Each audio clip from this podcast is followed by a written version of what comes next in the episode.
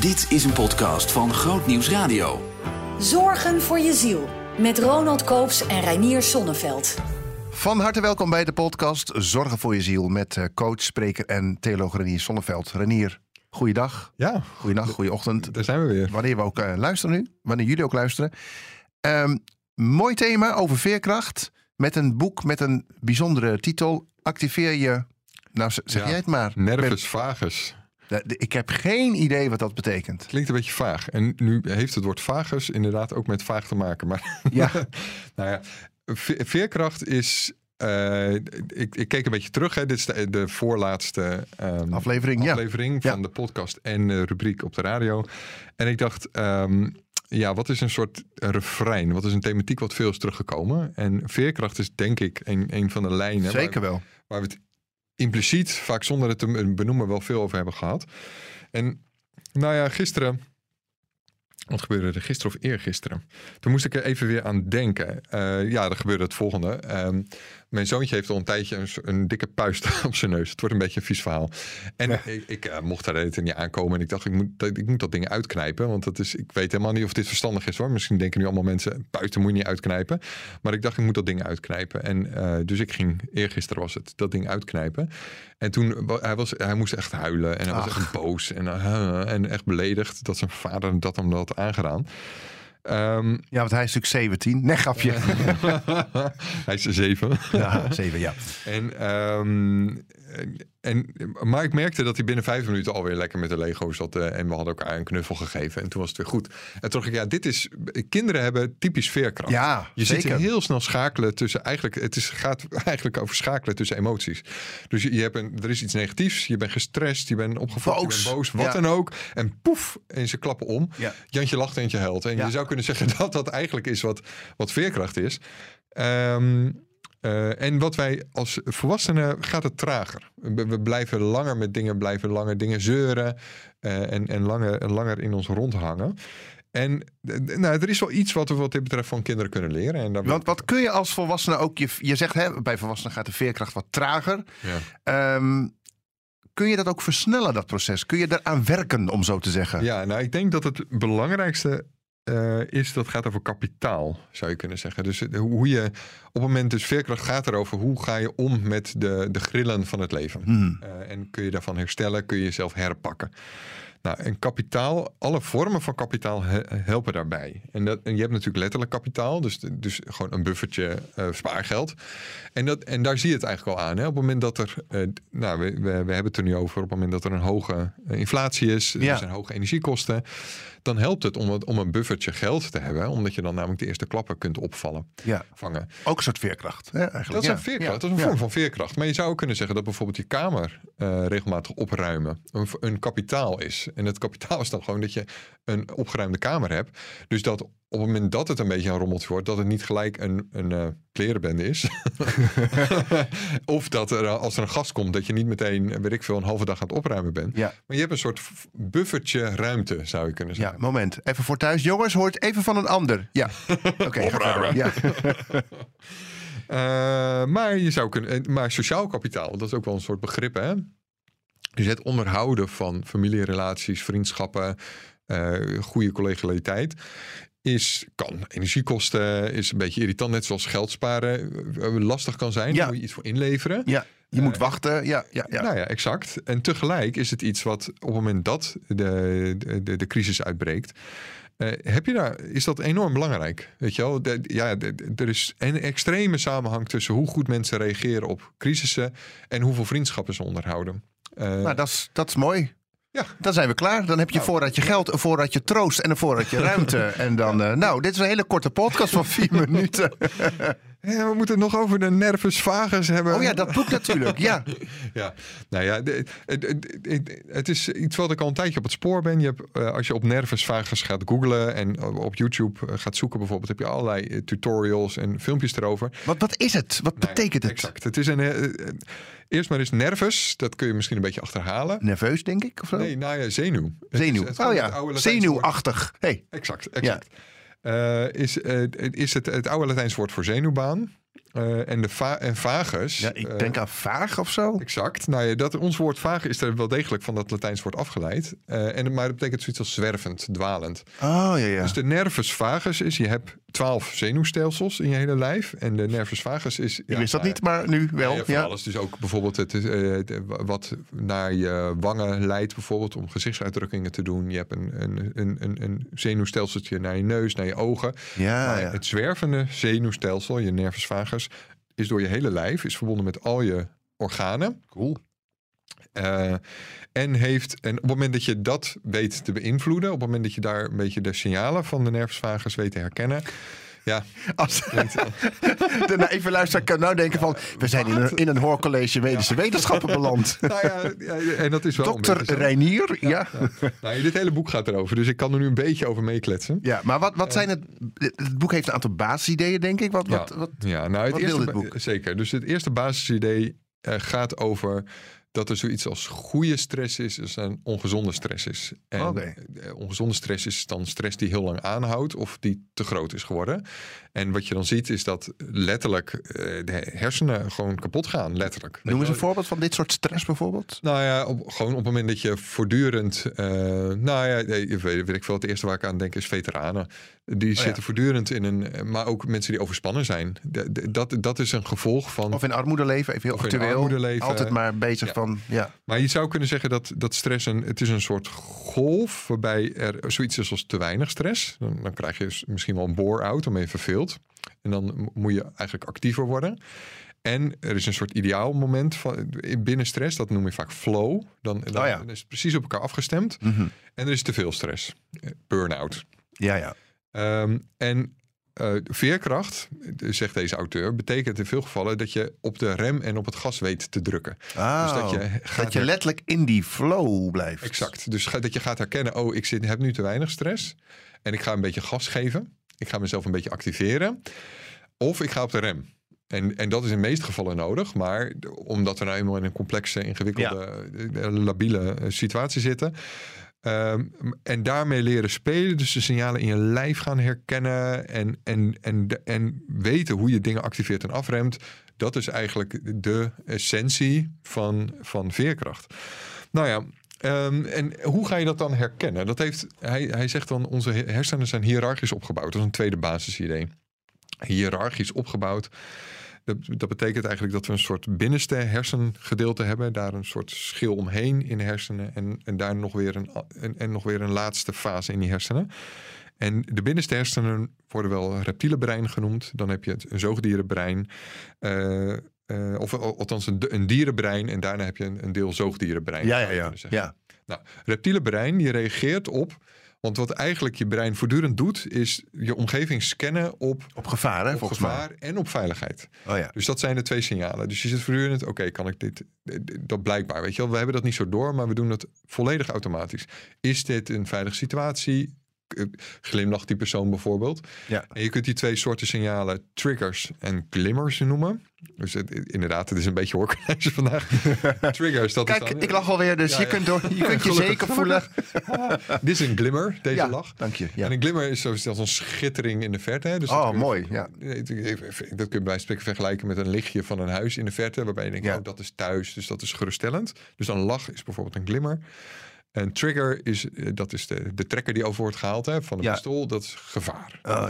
Dat is op het moment dat jij ehm, nu de hele tijd op je telefoon zou kijken, bijvoorbeeld in Ja. sociale situatie. Ja, precies. Ja, en overigens voor de luisteraar, dit is, dit is serieus aan de hand dat, dat Ronald wel eens op zijn, op zijn Ja, want telefoon Ja, kijkt. het is jammer dat het geen tv is, want anders zou ik nu aan de luisteraar laten zien. Maar dat doe ik maar dan bij jou. Ik heb hier het, de, mijn vragen hierop Ja, staan. zeker, Ja. Dat is helemaal prima. Even mijn Alleen potje afmaken. niet zou ik zit in een potje, moment. ja, als, ja, dan zou je denken, hè, die jongen is een WhatsApp aan het... eh, exact. dan is het gevaar. Dat is een vorm van gevaar, omdat Ja. ik denk, hé, hey, we verliezen nu het contact. Ja. Oké, nou. Dus je bent voortdurend op triggers en glimmers aan het scannen. Dat doet je brein. En we waren bij de hiërarchische opbouw. Ja, ja, ja. En je reptiele brein reageert daar, heeft één manier om te reageren. Zoals namelijk reptielen reageren op angst. En dat is met bevriezen. Dus als jij een, eh, een noemen ze een reptiel, Chameleon. een chameleon, eh, inderdaad, als je die aanraakt Ja. bijvoorbeeld, dan gaat hij, gaat hij stilstaan. Dan Ja. gaat hij niet aanvallen of eh, vechten Ja. of vluchten. Ik ben er niet. Ja. Maar die doen net alsof het er niet is. Ja. En dat is voor reptielen inderdaad de handigste strategie. Omdat zij als prooi meestal geen kans maken. Dus dan is de enige plek is net te doen alsof er niet zijn. En zo gaan ze mee om. Alleen, ehm, dus hij, hij, hij is een evolutiedenker. Dus hij zegt dan dat later in evolutie er dieren kwamen waarbij het nog wel zin had om te vechten of te vluchten. En die ontwikkelden toen een vecht-vlucht-reactie. en die herkennen we ook. Hè? Dus eh, wij hebben in onszelf nog steeds een reptiele brein. Dus vaak op heel heftig gevaar reageren we met ons reptiele brein eh, met bevriezen. Maar noem eens een voorbeeld ervan. Van zo'n bevriezing dan? Nou ja, in heel, eh, heel heftige gevallen, dat gaat dan bijvoorbeeld bij seksueel misbruik, speelt het heel erg in rechtszaken. Dus dan zegt de rechter vaak, ja, heb je ook nee gezegd of heb je ook tegengestribbeld. En in heel veel gevallen bij bijvoorbeeld een verkrachting is dat niet zo. Maar het verstijft iemand. Ja. Eh, en dan was vroeger vaak de, eh, was er van ja, dan eh, wilde je dat blijkbaar. Ja. Je, hebt, je hebt niet geprotesteerd. Dus Ja. dan konden ze er dus niet mee. ik hoorde geen nee, zo. Ik Dat- hoorde geen nee, Ja. dat, dat kan de dader dan zeggen. Eh, je spartelde niet tegen, bla bla bla. Inmiddels weten we dat we vaak op juist heel erg eh gevaar stressvolle, ja. reageren als eh, de, de konijn in, eh, in, de, in, de, in de, de koplampen, Ja, maar zeggen. die- of het hert in de koplampen. Ja, die meteen verstijven juist. Verstijft, ja. Eh, gebeurt ook in oorlogssituaties. Maar goed, als het gevaar ietsje minder erg is, reageren we met een later ontwikkeld systeem, namelijk vechten en vluchten. Als we nog enige kans maken, zal ik maar zeggen. Als dat onze inschatting is. Dus we worden of boos, we krijgen vol energie en eh, ja. Dat, is, dat is het- de vechtmodus, Exact. zeg maar. Of we worden eh, heel angstig en we gaan en we rennen heel hard weg. Ook die kun je bij jezelf op, op allerlei manieren lichamelijk merken. Hè? Dus bijvoorbeeld je, je armhaartjes gaan overeind, je wordt warmer, Ja. je spijsvertering eh, sluit. En je, dus op het moment dat je heel gestrest bent voortdurend, Knoop in je maag. krijg je een knoop in je maag. Ja. En, en dat is logisch om te vechten of te Ja. vluchten. Want je moet niet kotsen dan bijvoorbeeld. Ja. En, en je moet je eten binnenhouden Ja. als je moet vechten en vluchten. Ehm, en je kunt niet eten dan. Dat is even niet zo handig. Ehm, maar die, dat, dus dat is een van de redenen waarom we buikpijn krijgen. En waarom kinderen buikpijn krijgen als ze stress hebben. Ja, ja, ja. En dan hebben we nog een laatste systeem wat zoogdieren eh, hebben. En wat we delen met de zoogdieren. En dat is een. We kunnen namelijk ook op het moment dat er een probleem is gaan samenwerken. En dat is niet per se beter of slechter. Maar dat is wel een laat ontwikkeld systeem die we ook heel automatisch doen. Dus op het moment dat er een probleem is, gaan we wel eens help roepen, bijvoorbeeld. Oh, Of we gaan er anderen bij halen. Weet je wel? Dus Ja. we, gaan, ehm, we gaan heel automatisch. eh, en, en dat is een zeer effectieve manier om. Ehm, eh, Problemen om met lossen problemen om te gaan. ja. Hij heeft het over. Het is niet, zo, niet zozeer survival of the fittest. Dus eh, het, het recht van de sterkste, zou ik maar zeggen. Maar het is survival of the friendliest, heeft hij het over. Oh Dus het is, waarom zijn wij als mensheid zo groot geworden? Omdat we ontzettend goed konden samenwerken. Bijvoorbeeld, we hebben een tijd eh, samen ge- eh, eh, tegelijkertijd geleefd met, eh, eh, met, Neander, met Neandertalers. Dus we, we vinden, eh, zal ik maar zeggen, botten en, eh, van de Homo sapiens en Neandertalers in dezelfde aardlagen. Maar op een manier hebben wij gewonnen en, en zijn de Neandertalers uitgestorven. Nou ja, hij zegt, het verschil tussen Neandertalers en de Homo sapiens was dat wij in veel grotere groepen konden leven. Terwijl, en want het vreemde is namelijk dat de Neandertalers veel sterker waren. Het waren Ja. veel, grotere, veel grotere lijven. Dus je Ja. zou zeggen, dat is de fittest. Ja. Nou, maar wij waren de friendliest. ja. Even terug naar die ehm, nervus vagus. Ja. De zwevende of zwervende zenuw. Ja, ja. Ehm, we hebben het gehad over die drie toestanden. hè, Om dat te herkennen, te bevriezen, te vechten of vluchten of te verbinden, zou je kunnen zeggen. Hè? Ehm, kun, je zo'n, kun je dat deel van dat zenuwstelsel kun je dat ook trainen? Want dat is ook Ja. een vorm van zorgen voor je ziel. Hè? Dat je Exact. dat traint, dat je dat aandacht geeft. Ja. Nou, het gaat dus voor een deel over dat bij jezelf herkennen. en Ah, eh, op het moment dat het problematisch is, de, de tegenovergestelde eh, reactie te gaan doen. Kun je daar een voorbeeld Nou, heel... de, de simpelste is, dat gaat over immobiliteit. Dus wat gebeurt is... Nou, la- laat ik nog een ander basisidee uitleggen, even tussen haakjes. Ja. Anders wordt het niet helemaal duidelijk. Toch weer een hoorcollege? Ja, het is zeker. Dus het, eh, een van de belangrijkste constateringen is dat wij niet alleen van, van boven naar beneden eh, eh, veranderen, maar ook van beneden naar boven. Dus niet alleen van je hoofd naar je buik, maar ook van je buik naar je hoofd. Of nog weer anders gezegd, het is niet alleen als we iets denken, voelen we ons anders, maar ook als we ons anders voelen, gaan we anders denken. Oké. En immobiliteit is daar wel een voorbeeld van. Dus bijvoorbeeld op het moment dat we heel somber zijn, dan worden we, bevriezen we. Hè? Op het moment dat er een groot probleem is, depressief zijn, dan bevriezen we, dan raken we stil. Maar het werkt ook andersom. Op het moment dat we stil eh, vallen, bijvoorbeeld in tijden van lockdown, gaat dat ook terug naar onze gedachten en worden we somber. Want Oh, het ja, signaal van ons lijf namelijk aan ons brein is, oké, blijkbaar is een groot probleem aan de hand, want, want we staan stil. Maar dat kun je dus dan ook beïnvloeden. Op het moment dat je eh, merkt dat je somber wordt, is, en dat is de reden, zegt hij, waarom wandelen zo goed is als je somber bent, omdat je dan letterlijk in beweging komt. Dus Ja. letterlijk die bevrieshouding, dat immobiliseren van je lijf omdraait en vanuit je lijf eigenlijk tegen je geest vertelt, hé, hey, maar ik ben mobiel, dus eigenlijk gaat het best wel lekker. Ik ben helemaal niet machteloos. Ik heb best wel wat controle over mijn leven. Nou, dat geldt bijvoorbeeld ook over je hart. Je hart eh, gaat van alles doen op het moment dat je in de vechten en bevriezen of vechten vluchten modus raakt. Dus je hart gaat veel harder kloppen op het moment dat er stress is. Niet bij, eh, dat speelt niet zozeer bij bevriezen, het speelt ook niet zozeer bij samenwerken. Maar op het moment dat je angstig wordt of boos wordt, dan gaat je hart sneller kloppen. Ja. Eh, dus veel, en je gaat sneller ademhalen. Ehm, nou, dat kun je bij jezelf merken. Je kunt bij jezelf meten hoe hard klopt, hoe snel klopt mijn hart nou? Eh, hoe snel ademhaal ik nou? Eh, nou, bij wijze van spreken, als het meer dan tien keer per, per minuut is, dan heb je echt een probleem, zou ik maar zeggen. Maar je kunt het ook omdraaien. Je kunt ook, dus op het moment dat je rustiger gaat ademhalen, gaat je hartslag gaat omlaag. En is een signaal. Exact, dat Ja, vertelt aan ja, je ja. hersenen. Oké, blijkbaar is het hier veilig. Terwijl andersom, op het moment dat je maar Ja. blijft, blijft eh, pittig blijft ademhalen, dan vertelt je lijf aan je hoofd: oh, oké, blijkbaar is er iets aan de hand en ik weet eigenlijk niet wat. Ja.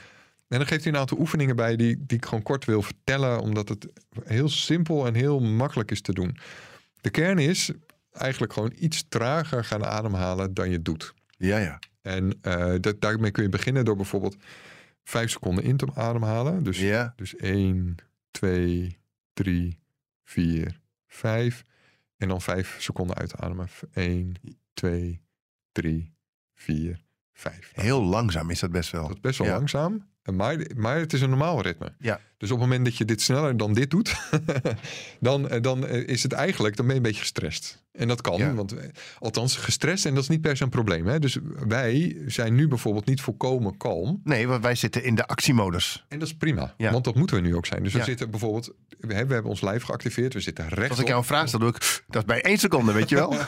Ja, nou zeker. Ja. En dat is prima. Dus dat want- mag ook. Maar Maar- want het gaat over gas kunnen geven en remmen. Dus je gaat dan bijvoorbeeld, weet je wel, je gaat rechtop zitten, zitten we nu. Ja. Zitten met onze schouders naar achteren. We kunnen een power pose doen. Daar hebben we het ook wel eerder over gehad. Ja. Je gaat een beetje je armen strekken, recht overeind en een beetje stoer staan. moet ik dat nu ook even? Hey! Nee, maar daarmee signaal je Ja. dus vanuit je lijf naar je geest. Ja, het is. Goed hier, het is lekker hier. Actieve houding. actieve houding ik geef gas. Maar we hebben het nu over remmen. Eh, en dan helpt het dus om trager te gaan ademhalen. En je kunt het nog meer vertragen. En dat heet dan een 4-7-8 oefening. Je kunt, de, de kern daarvan is dat je trager uitademt dan inademt. Mm. Omdat namelijk inademen is, wordt geassocieerd met activeren. En uitademen wordt, geactiveerd met, eh, wordt geassocieerd met eh, ontspannen. Loslaten, ontspannen. Ja. En je merkt dat ook op het moment dat je iets trager gaat uitademen dan inademen, dat je, eh, dat je hartslag ook omlaag gaat. En zeker tijdens de, het uitademen gaat je hartslag omlaag. En een 4-7-8 oefening zegt, je gaat een 4 seconden inademen, dan hou je je adem 7 seconden vast en dan ga je in 8 seconden uitademen. Ja. Nou ja, dat, dat kun je thuis oefenen. Doe het in eerste instantie niet te veel, want dit is echt wat trager dan normaal is. ja, Maar het, het dwingt als het ware je ik moet je zeggen dat ik dat, wat mijn geest gaat ook altijd maar door, een Ja, beetje. ja. Ik doe dit standaard als ik in bed lig. Oh, nou ja, kijk. Even de eerste twee minuten. Meer- Meestal keer of drie, vier, vijf. Ja. Dit, dit Ja, hele dit setje. Ja. En dan rek ik me flink uit. En dan voel ik al die moeheid een beetje. Denk ik, ah ja, lekker. Ja, geweldig. Maar het, het is eigenlijk Het gewoon werkt, een het werkt beetje je, je geest eh, voor, voor Ja. in de gek houden. Omdat er voortdurend eh, via de nervus vagus voortdurend eh, signalen heen en weer gaan. Ja, ja, En dus eh, om het nog weer even het hoorcollege verder te gaan. Je hebt twee onderdelen in je nervus vagus. Dus de sympathische en de parasympathische onderdeel. Sympathisch gaat over gas geven. En het pa- parasympathisch gaat over remmen. remmen. Ja, Nou ja, eh, op het moment dat je de signalen in je lijf herkent, van oké, dit er aan de hand, ik ben nu aan het bevriezen, ik ben nu immobiel of ik ben nu aan het, eh, aan het eh, vlu- vechten of vluchten. Of ik ben nu aan het samenwerken. Maar het kan ook dat je daar te loom van wordt. Hè? Ja. Dat- je een beetje van, oh, alles is hier gezellig en cozy. En, oh. Praat jij maar, ik stel geen vragen meer. Dan Ja. is het dus juist wel. eh, dan Ja. ga je hangen op de bank bijvoorbeeld. Dan ben je helemaal comfortabel. En dan, en dan zegt je moeder, zei dan altijd, recht overuit zetten, schouders naar achteren. ja, precies. En eigenlijk zei ze dan dus, kennen ze de zogeheten polyfagaaltheorie waar we het nu over hebben. Louis van Gaal theorie? Nee, grapje.